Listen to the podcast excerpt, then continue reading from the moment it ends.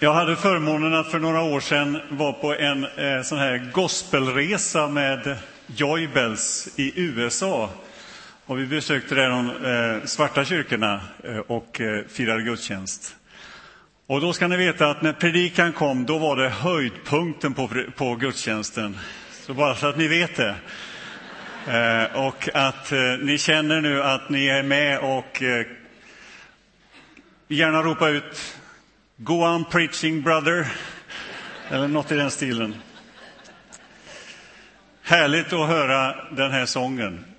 Eh, fantastiskt. Och som eh, Erik sa så är vi inspirerade här på torsdagskvällarna när vi lyssnar till Göteborg Gospel som övar här uppe. En hoppfull död är temat för den här predikan.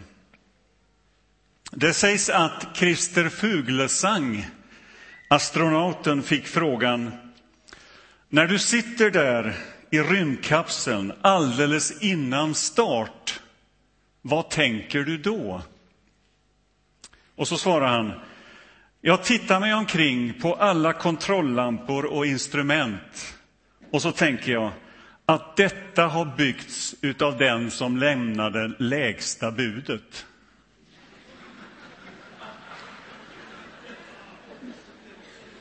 Det var hans tanke innan start.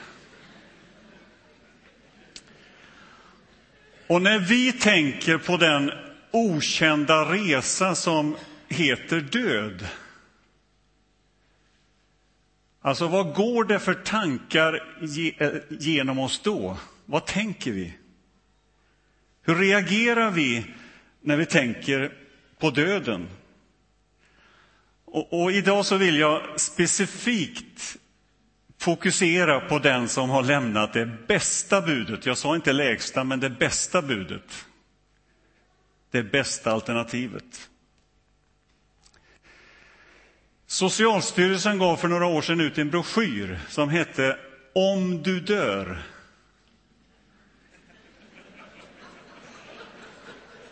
Och den handlade om organdonation. Och så kunde man anmäla sig där om man ville ge bort organ vid sin död, om man nu skulle dö.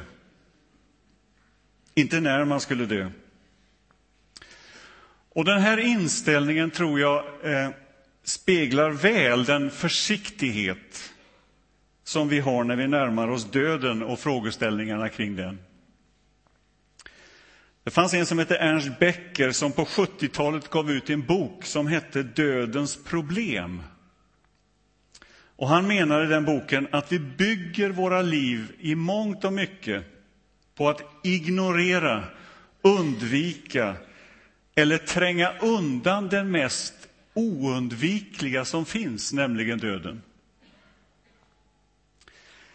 Han beskriver att vår arbetsnarkomani vårt behov av bekräftelse, vår ungdomsfixering och vår trygghetsfixering i stora drag förklaras av vår förnekelse av döden.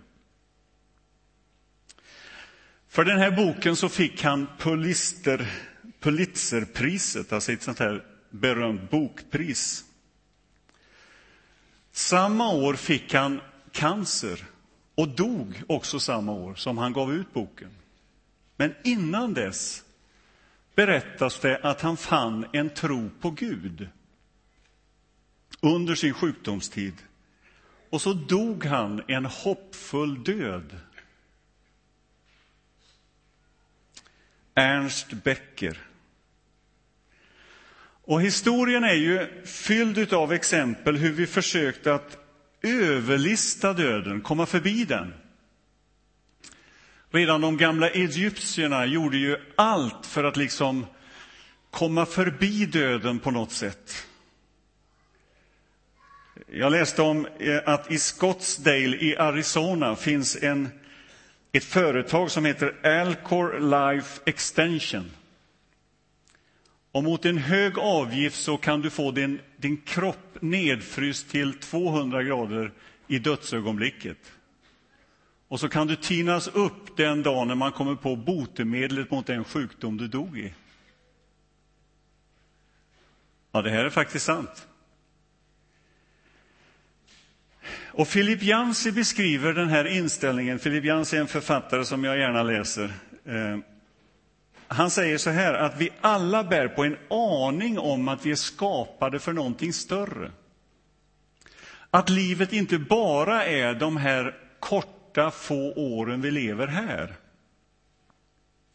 Vi anar en större tillhörighet.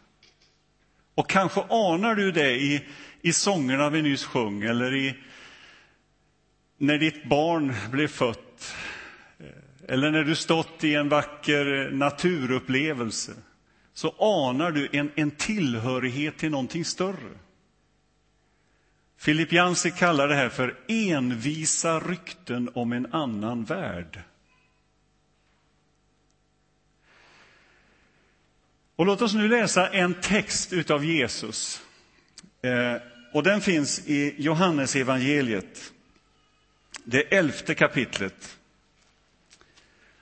Och du får den versen här på, på tavlan. Annars så finns den i biblar som du kanske har fått när du kom in här. Eh, och det finns på sidan 765. Johannes evangeliet, det elfte kapitlet, vers 25 och 26. Jesus sa, jag är uppståndelsen och livet. Den som tror på mig ska leva om han än dör. Och den som lever och tror på mig ska aldrig någonsin dö. Alltså det här är ett av många uttalanden av Jesus där han använder begreppet jag är som meningen börjar. Och det här visste alla som hörde detta när Jesus sa det, att det här var ett namn på Gud. Jag är. Det var det namn som Gud hade presenterat sig för Mose en gång för flera hundra år innan detta. När, Gud, när Mose frågar vem, vem ska jag säga har sänt mig när jag kommer till Egypten och ska befria Israels folk. Och förresten, den berättelsen är ju till grund för många av de negro spiritual och gospelsånger som vi sjunger. Uttåget ur Egypten.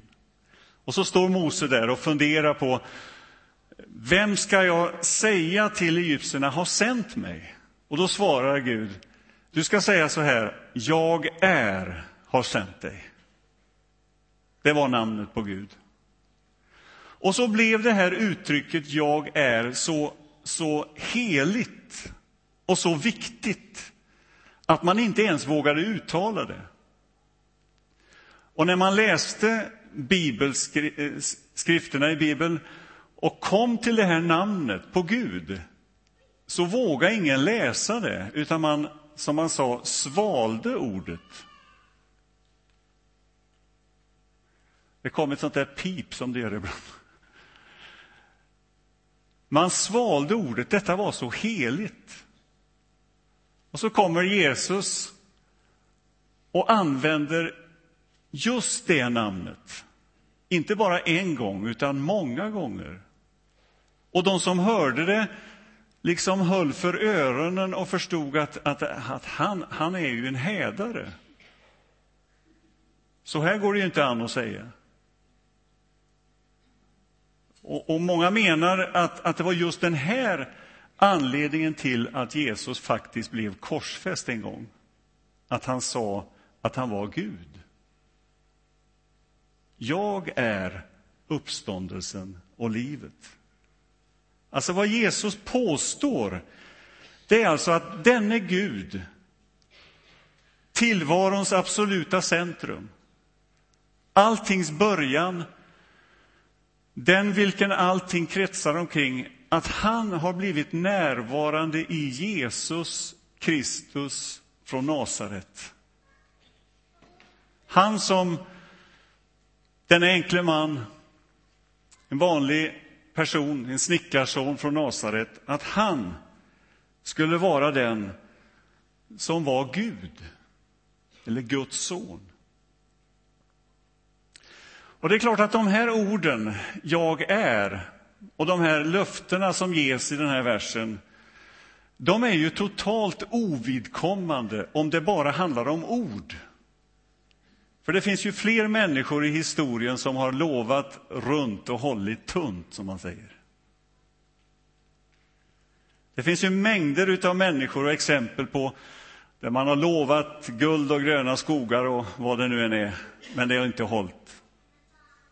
Och vad är det som gör detta så annorlunda? Detta uttalande? Det är någonting i den här berättelsen om Jesus som gör att vi bara inte kan avfärda orden rakt av, utan vi måste liksom ställas inför de här uttalandena. Och här är berättelsen i korta drag. För drygt 2000 år sedan vandrade Jesus omkring i en avkrok av det romerska imperiet i Palestina. En enkel man som i ord och bilder beskrev ett rike som inte är av, av den här världen.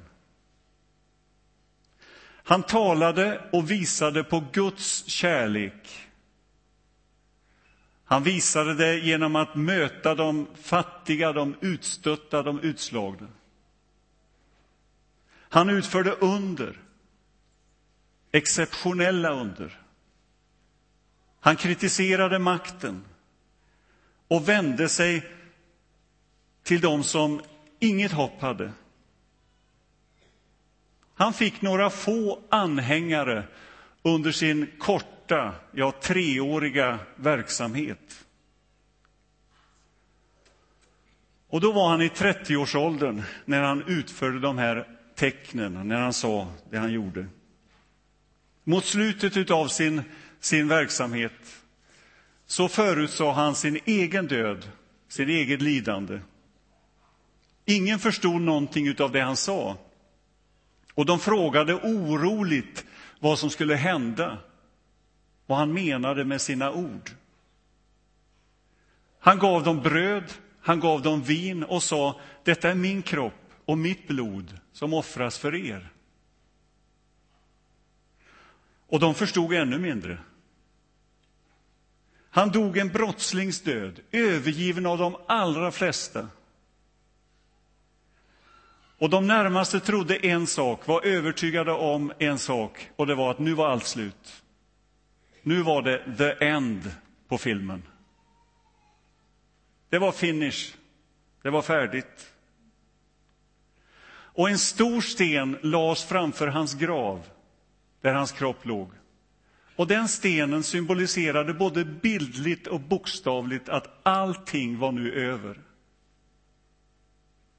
Och så, så långt är vi med i den här berättelsen. Men den fortsätter. Därför att efter tre dagar så försvinner hans kropp. Och han börjar dyka upp på de mest oväntade ställen, där man minst anar det. Han möter sina närmaste, de som trodde att allt var över. De som inte hade liksom föreställningen om att han skulle kunna uppstå igen. Och så säger han det igen. Jag är. Eller den jag är. Eller detta är jag. Och så säger han till sina närmaste, kom, känn på mina sår, det är jag.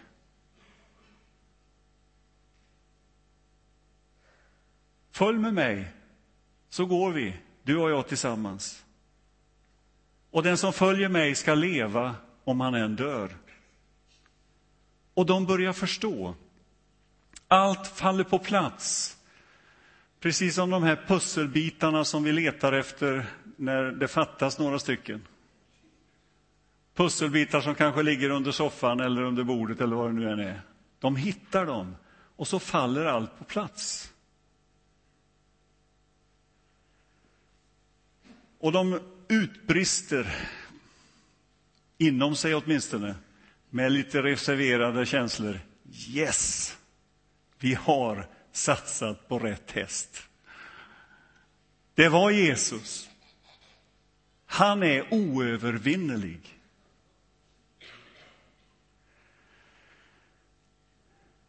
Och i den här berättelsen, som jag nu kort har redogjort för, så har människor genom hela historien vänt sig till den här berättelsen och funnit hopp för sitt liv och sin död. Och de har sjungit de här gospelsångerna och Negro Spiritual som vi har sjungit här idag. Och den här blandningen som Björn var inne på i början, att det handlar om det som ligger där framme bortom döden, men också om livet här och nu. För det är ju helt självklart att om det där framme är ljust och hoppfullt, då påverkar det mitt liv här och nu. Och också mina frågor inför döden. Och, och se här noga nu. Alltså när vi tittar mot döden där borta och tänker att undra hur det blir. Och vi ser det med ovisshet och trevande. Ingen har ju liksom varit där och kommit tillbaka och sagt hur det är på riktigt. Vi har spekulationer, vi har några berättelser sådär, men inget riktigt. Vi vet inte riktigt vad det handlar om. Vi försöker undvika det på olika sätt. Vad säger då den kristna tron? Jo, den säger vänd dig om. Titta här, här finns en berättelse som ligger bakåt i historien. En berättelse om Jesus från Nasaret. Och när vi ser på den berättelsen så förstår vi att den gäller inte bara där och då, utan det gäller också mig här och nu. Om han har lyckats, ja, då kan ju fler lyckas. Om jag förbinds med hans liv, och det är därför som gospelsångarna sjunger Oh, happy day. Och man tar i med kraft och starka lungor om att tänk att jag fick hopp i Jesus Kristus. Och mitt liv läggs till hans liv och hans liv läggs till mitt liv. Ja, då kan jag gå in i de orden. Den som tror på mig ska leva om han än dör. Och den som lever och tror på mig ska aldrig någonsin dö.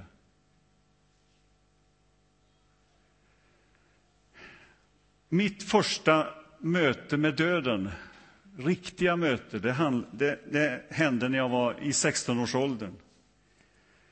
Min, min kompis, min bästa kamrat, min skolkamrat, vi var lika gamla, Leif hette han, fick cancer. Och när sånt händer så vet vi alla som har den, varit med om någon, när någon i den närmaste har, har drabbats att allting liksom vänds upp och ner. Tillvaron ruskas om ordentligt. Det som var viktigt, vi stod där med drömmar om framtiden, om vad som skulle hända. Och så helt plötsligt så kommer allt i ett annat ljus.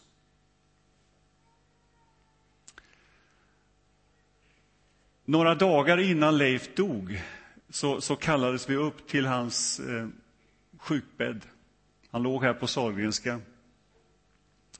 Vi kommer in där, min kompis och jag, samma ålder som Leif. Vi stod där famlande, tvekande. Vad säger man? Vad gör man?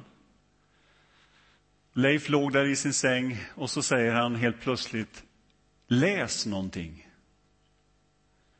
Och jag har förstått sen min erfarenhet utav att ha stått i många sådana situationer, att det inte är orden i första hand som är det viktiga, utan det är närvaron. Läs någonting, säger han. Och jag ser en psalmbok som låg vid hans bädd. Jag tar upp den, bläddrar i den planlöst. Vad läser man? Vad gör man? Och så helt plötsligt så faller mina ord på en psalm som finns i sångboken. Och den sången har jag sjungit sen med, med en extra känsla. Och den är ungefär så här. Jag har en vän som älskar mig så högt att han lät offra sig. I korsets död på Golgata mitt hjärta sjung halleluja. Halleluja, jag har en vän som leder mig till himmelen. Han hela vägen med mig går och av hans hand jag kronan får. Sången är skriven av Nils Frykman, en känd sångförfattare. Orden handlar om det kristna hoppet. Bara någon dag senare så dog Leif en hoppfull död. Han levde i det hoppet, i den tron. Och den händelsen har påverkat mig oerhört genom mitt liv. Och att få ta till sig det hoppet, att få leva i denna, dessa ord som Jesus säger, det är värt allt. Den här texten är ju i sig en motsägelse. Ja, det finns många motsägelser. Det talas om både att dö och att inte dö. Den beskriver ett liv före döden och ett liv efter döden. Den talar om att vi faktiskt ska dö och att vi inte kommer att dö. Den säger något om döden som innebär att döden inte längre är vad den ser ut att vara. Att döden är, som Tranströmer uttrycker det, en spricka i muren, alltså en öppning, att det finns ett hopp. Och att få leva i det hoppet, det kastar sitt ljus över mitt liv här och nu. Det ger mig ett hopp inför framtiden. D.L. Moody var en predikant som sa så här. Den dag ni får läsa i tidningen att D.L. Moody är död, så tro inte på det, för då är jag mer levande än någonsin. Och det är ju det som är hoppet i den här versen, i de här Jesusorden. Och låt mig få avsluta med en av Jesu lärjungar. En som verkligen förkunnade den berättelsen som handlar om Jesus. Han heter Paulus och han skriver i Romarbrevet, det åttonde kapitlet, vers 10 och 11. Om Kristus bor i er så är visserligen kroppen död på grund av synden, men anden har liv på grund av rättfärdigheten. Och om anden från honom som har uppväckt Jesus från de döda bor i er, så ska han som har uppväckt Kristus från de döda göra också era dödliga kroppar levande genom att hans ande bor i er. Amen. Låt oss be. Tack Gud för det hopp som du har gett oss genom Jesus Kristus. Tack att du, Jesus, är vägen, sanningen och livet. Tack att du är uppståndelsen och livet. Och att vi får ta emot dig i våra liv. Att du ger oss hopp, inte bara för det här livet, utan för det som kommer. Tack, Herre, att du är här i den här gudstjänsten mitt ibland oss. Och att vi får tillsammans fira din uppståndelse, din seger över döden. Amen.